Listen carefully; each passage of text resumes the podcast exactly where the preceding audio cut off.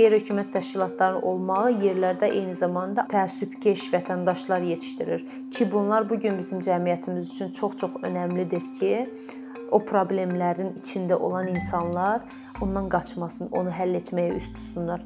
Çünki bu gün hər kəs gözləyir ki, dövlət gəlsin, nəsə problem həll etsin.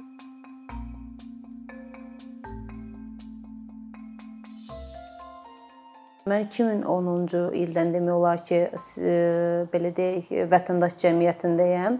İlk öncə bloqer olaraq başlamışdım və 2011-ci ildən artıq IREX İcma Məlumat Mərkəzində çalışmağa başladım administrator olaraq və o gündən bu günə demək olar ki, gördüyüm belə desək sosial problemləri, xüsusilə qadınların problemlərini çalışıram aç belə desək ictimailəşdirim və bu, bu sahədə fəaliyyət göstərim.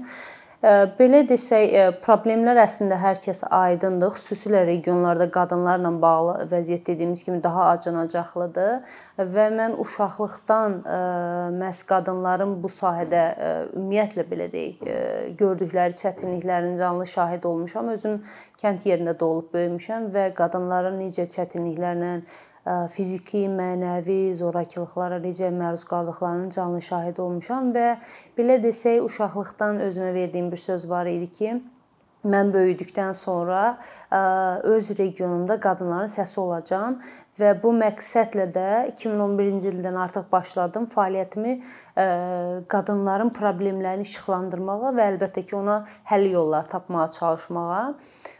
Regiondakı problemlərdən deyə bilərəm ki, yəni təhsillə bağlı problem var. Qız uşaqları xüsusilə icazə verilmir ki, öz təhsillərini davam elətdirsinlər. Hətta Bərdənin elə kəndləri var ki, 6-cı sinifdən demək olar ki, qızlar məktəbdən uzaqlaşdırılır və artıq onu başlayırlar ailə həyatına hazırlanmağa.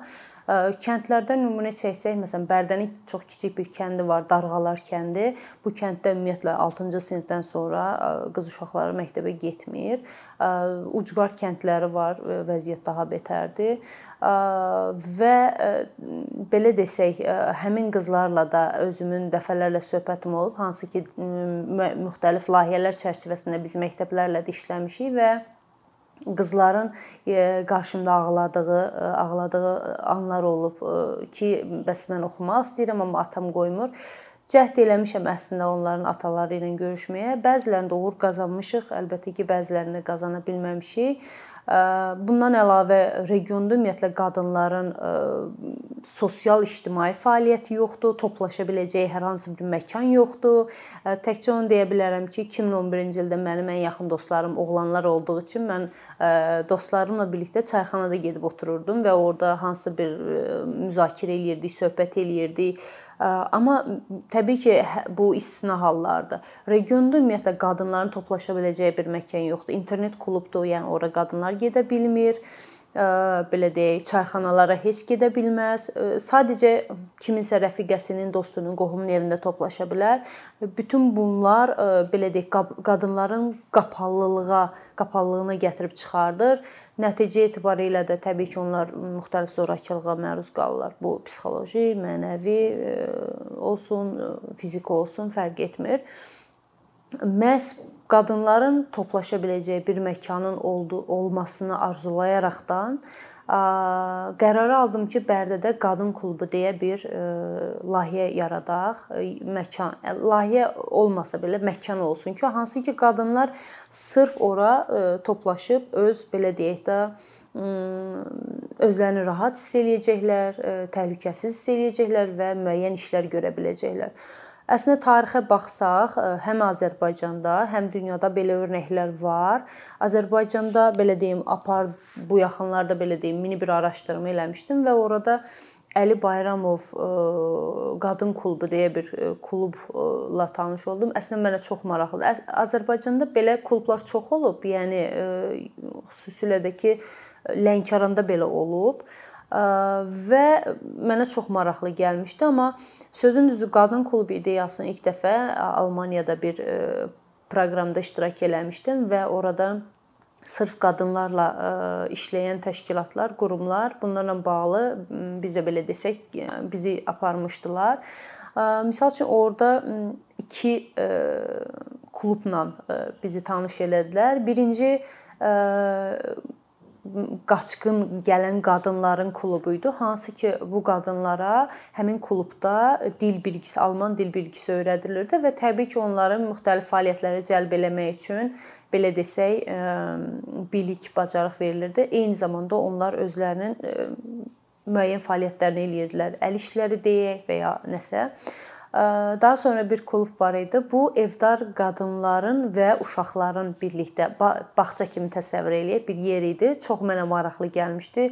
Orda qadınlar həm uşaqları ilə vaxt keçirirdi, eyni zamanda artıq müəyyən saatlar var idi ki, uşaqlar özləri üçün oyun və ya nə isə məşğul olurdular. Qadınlar isə artıq sırf hansı fəaliyyətlə məşğul olurlar və çox maraqlı gəlmişdi mənə. Elə orada mən özümə söz vermişdim ki, məhz belə bir klubu mən Bərdədə yaradacağam və 2020-ci ildə əslində 2020-ci ilin sentyabrında biz başlamaq istəyirdik, amma təəssüf ki, müharibə ilə əlaqədar biz bunu bir müddət ləngitməli olduq. Məlum 44 günlük müharibədən sonra özümüzün də psixoloji vəziyyətimiz yaxşı olmadığı üçün üçün biraz ləngitməli olduq və 2021-ci il yanvarından artıq fəaliyyətə başladıq.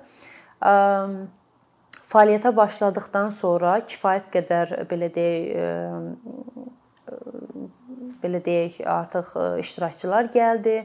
Bərdə qadın klubu olaraq nə işlə məşğuluq, onu deyim bir balaca kompüter kurslarımız var. Yəni nəzərə alsaq ki, regionda qadınların iş qabiliyyəti, əmək bazarındakı belə deyək, rəqabətli əmək bazarında onların bilik bacarığı çox aşağıdır və biz bunu nəzərə alaqdan qadınlarımıza kompüter kursları öyrətməyə qərar aldıq. Eyni zamanda genderlə bağlı, yəni bu gender bərabərliyi mövzusunda, reproduktiv sağlamlıq olsun, bu kimi mövzularda da təlim, treninq, seminarlar və görüşlər təşkil eləyirik və bu görüşləri bacardığımız qədər Bakıdan və digər regionlardan professional təlimçilər cəlb eləyirik. Təlimlər onlayn da olur, offlayn da olur. Bu günə qədər sosial biznesdən bağlı qadınlarımız üçün təlimimiz olub, Toxum Oruqla birlikdə. Bundan əlavə onların asudə vaxtlarını keçirmələri üçün biz belə deyək, ofis daxilində şahmat olsun, hər hansı maraqlı bir oyunlar olsun təşkil edirik ki, ən azından onlar sıxılmasın. Bu adətən dərsdən sonra olur ki, biraz yorğunluq atsınlar və piknik, voleybol, futbol kimi yarışlar təşkil eləyirik xanımlarımız üçün.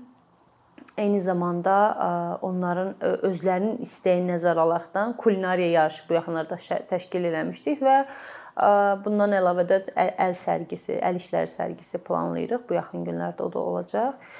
Yeri gəlmişkən bu qadın klubu layihəsi çərçivəsində görülən bütün fəaliyyətlər pulsuzdur və biz çalışırıq yaş həddini 12 yaşdan başlayaq. 12 yaşdan yuxarı kimlər istəsə gəlib iştirak eləyə bilər və gəlib iştirak eləyirlər də və bu bizi sevindirir. Digər bir məsələ onu deyim, qadınlarda belə desək, bir də qadınların ən böyük üzləşdiyi problemlərdən biri region qadınlarının özgüvən məsələsidir. Bu çox-çox aşağıdır. Bu da müəyyən məsələlərə gedib dayanır. Belə deyək, qadınlara yönəlik stereotiplər var cəmiyyətdə, hansı ki, onlar doğuşdan artıq başlanılır ki, sən qızsan, sən qız uşaqsan, sən bunları eləyə bilərsən, sən bunları eləyə bilməzsən və bu da onların istər-istəməz psixologiyasında müəyyən çətinliklər yaradır və böyüyəndə özgüvən əksikliyi yaşayır. Şəxsi nümunəmdən deyə bilərəm ən azından və Təəssüf ki, təhsil ocaqlarımız da o dərəcədə belə deyək, qızlarımıza, qadınlarımıza o dərəcədə də faydalı olmur bu özgüvən məsələsinin formalaşmasında. Biz bunları da nəzərə alaraqdan Bərdə qadın klubu olaraq qadınlarımız, qızlarımız üçün belə desək, öz şəxsi inkişaf, özgüvənin formalaşdırılması bu kimi mövzulu təlimlər təşkil eləyirik. Bunu bəzən mən eləyirəm, bəzən də belə deyək, ofisimizdə fəaliyyət göstərən bizim qadınlarımız eləyir. bu kimi fəaliyyətlərlə davam elətdiririk və hal-hazırda layihə olaraq davam eləyirik əslində. Layihəmiz bu ilin sonuna qədər davam eləyəcək, amma düşünürük ki, gələn belə deyək, rəyləri də nəzərə alaraqdan və yerli tələbat da nəzərə alaraqdan biz düşünürük ki, bu layihəni bir neçə il daha davam elətdirəcəyik. Artıq belə deyək, qadınların nə qədər ki bacarırıq, ən azından onların şəxsi inkişafına, özlərini belə deyək, öz ayaqları üstündə durmalarına nə dərəcədə biz töhfə verə biliriksə, o dərəcədə də töhfə verə biləcəyimizi düşünürəm. Ümumiyyətlə biz nə qədər ki çalışsaq da ki, belə deyək, bölgədə qadınların problemlərini həll eləyək, aydın məsələdir ki, tək əldən səs çıxmır. Yəni problem hədsiz çoxdur. Məişət zorakılığı da belə desək, iqtisadi vəziyyəti də nəzərə alaraqdan gün-gündən daha da çoxalır təəssüf ki. Bunun bir səbəbi də maarifləndirmə işinin zəif olmasıdır. Aydın məsələdir ki, televiziyalar bizim istədiyimizi o qədər də çatdıra bilmir. Tam tərsi insanlarda daha çox aqressiya doğurur. Ən azından mənim gördüyüm deyə bilərəm və çox təəssüf ki, qeyri-hökumət təşkilatlarının 2014-cü ildən sonra regionlardakı fəaliyyətini müəyyən bürokratik əngəllərdən dolayı dayandırması bu bu çox böyük əslində neqativ təsir göstərdi bu sektora. Çünki ən azından qeyri-hökumət təşkilatları buklet də olsa, hər hansı bir vasitə də olsa, qadınlar üçün müəyyən maarifləndirici tədbirlər görürdü ki, bu kəndlərə qədər gedib çıxırdı. Yəni özüm onun canlı şahidiyəm və bu istər-istəməz xeyli faydalı olurdu. Amma çox təəssüf ki, bu gün qeyri-hökumət təşkilatlarının fəaliyyətlərinin fəaliyyətinin limiterləndirilməsi, hətta məhdudlaşdırılması, hətta belə desək, ümumiyyətlə olmaması, xüsusilə regionlarda bu vəziyyəti daha da ağırlaşdırır. Məsələn, mən deyərdim ki, yaşadığım Bərdədə əvvəllər bir aktiv QHT var idi, Aran təşkilatı və Aran çox böyük işlər görürdü. Xüsusilə qadınların əlbəttə ki, aydın məsələdir ki, su problemində ən çox əziyyət çəkən cins qadınlardır və qadınların bu məsələsini, bu problemini həll etmək üçün Aran təşkilatı çox yaxşı layihələr icra eləyirdi. Amma təəssüf ki, 2014-cü ildən sonra fəaliyyət dayandı və hər şey bitdi. Bu gün bəlkə də var, amma bu kifayət qədər deyil və real deyil. Əslində ola bilər ki, hansısa bir təşkilatlar var, bizim xəbərimiz yoxdur. Biz çox yaxşı istərdik ki, əslində həmin təşkilatlarla heç olmasa bir əməkdaşlıq eləyək ki, ən azından problemə fərqli bir bir baş yaxşıdır, iki baş ondan da yaxşıdır. Ən azından fərqli bir həll yol tapa bilərik birlikdə əməkdaşlıq eləyə bilərik. Bizim gedib çıxa bilmədiyim, bilmədiyimiz kəndlərə, yerlərə onlar gedir, o o təşkilatlar gedir və ya tam əksi. Yəni bunlar olsa çox yaxşı olardı. Mən təklif kimi əslində onu deyərdim ki, qeyri-hökumət təşkilatlarının fəaliyyəti yaxşı olardı ki, bərpa olunsun. Müstəqil çalışan QHT-lərin fəaliyyətləri, təşəbbüs qrupları olsun, çox olsun ki, regionda da gənclər belə deyək bu sahədə maraqlı olsunlar, xüsusilə qadınlarımız. Yəni bu gün dediyimiz kimi vəziyyət çox acınacaqlıdır. Bu da ki, QHT-lərlə bağlı qanunvericilikdə müəyyən yeni qaydalar tətbiq olunduqdan sonra əlbəttə ki, heç kim o sahəyə o qədər də maraq göstərmir. Bilirsiniz necədir? Qeyri-hökumət təşkilatlarının olmağı yerlərdə eyni zamanda aktiv vətəndaş vətəndaşlar yetişdirir yəni belə deyək, təəssübkeş vətəndaşlar yetişdirir ki, bunlar bu gün bizim cəmiyyətimiz üçün çox-çox əhəmilidir ki, o problemlərin içində olan insanlar ondan qaçmasın, onu həll etməyə üst tutsunlar. Çünki bu gün hər kəs gözləyir ki, dövlət gəlsin, nəsə problem həll etsin. Əlbəttə ki, tək dövlətlə olmur və dövlətin ümumiyyətlə xəbəri olmalıdır ki, belə bir problem var xəbəri varsa da ən azından ona belə deyək, təzyiq göstərə bilən aktiv vətəndaş olmalıdır ki, bu problem həll olunsun. Bir neçə ildir ki, əkinçi olaraq Azərbaycanlı izləyicilərin hər zaman faydalana biləcəyi keyfiyyətli və ən əsas ödənişsiz kontent hazırlamağa çalışırıq. İndiyədək təqdim etdiyimiz onlarla animasiya və yüzlərlə çəkilişlər tələbələrin, mütəxəssislərin, müəllimlərin və ümumiyyətlə yeni mövzulardan xəbərdar olmaq istəyən çox sayda insanın marağına səbəb olub. Bu illər ərzində hazırladığımız videolar təhsil, texnologiya, ictimai fəallıq, iqtisadiyyat, gender bərabərliyi, ətraf mühit, ifadə ifadə azadlığı, hüquq, demokratik inkişaf, mədəniyyət və digər mövzuları əhatə edib. Məqsədimiz çoxlu baxış gətirən deyil, çoxlu fayda gətirən videolar hazırlamaqdır. Amma bu düşündüyümüz qədər asan deyilmiş. Gördüyümüz iş kifayət qədər resurs, əmək və təbii ki, davamlılıq tələb edir. Bu səbəbdən Patreon platformasından istifadəyə başladıq. Əkinçinin Patreon hesabının populyarlaşmasına çox böyük ümidlərimiz və gözləntilərimiz var. Bəziləriniz Patreon haqqında ilk dəfə eşidirsiniz. Əslində çox sadə izahı olan bir platformadır. Təsəvvür edin ki, siz rəssam və ya musiqiçisiniz. Sosial şəbəkələrdə sizi izləyən, işinizi bəyənən çox sayda insan var. Patreon platforması sizə imkan verir ki, izləyicilərinizin könüllü aylıq ödənişləri sayəsində işinizi davam etdirəsiniz. Sərgi, konsert zallarından asılı qalmayasınız. Amma bu təkcə rəssam və musiqiçilərə aid deyil. Məsələn, əkinçiyə bənzər fəaliyyətlə məşğul olan bəzi layihələrin 10 minlərlə patronu var. Biz də düşündük ki, nə üçün əkinçinin Patreon hesabı olmasın? Sizin dəstəyiniz sayəsində biz daha çox və daha keyfiyyətli kontent yaratmağa davam edə biləcəyik. Amma bu dəstək yalnız maddi dəstək deyil. Dəstəkçilərimizin sayının artması gördüyümüz işlərin faydalı olduğuna dair əminlik verir.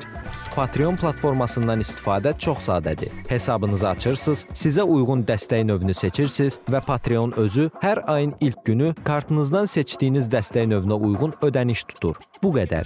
Sonda onu demək istəyirik ki, dəstəkçilərin sırasına qoşulmaq istəyən, amma məhdud imkana görə bunu edə bilməyənlər narahat olmasın. Daha öncə dediyimiz kimi, bizim əsas məqsədimiz daha çox insanın hər zaman faydalana biləcəyi keyfiyyətli və ödənişsiz kontentin yaradılmasıdır. Bunun üçün mütləq patronumuz olmalısınız deyə məcburiyyət yoxdur. Amma imkanınız patron olmağa çatırsa və bizim işimizi bəyənirsinizsə, patronlarımızın sırasına qoşulmağınız bizim üçün çox önəmlidir.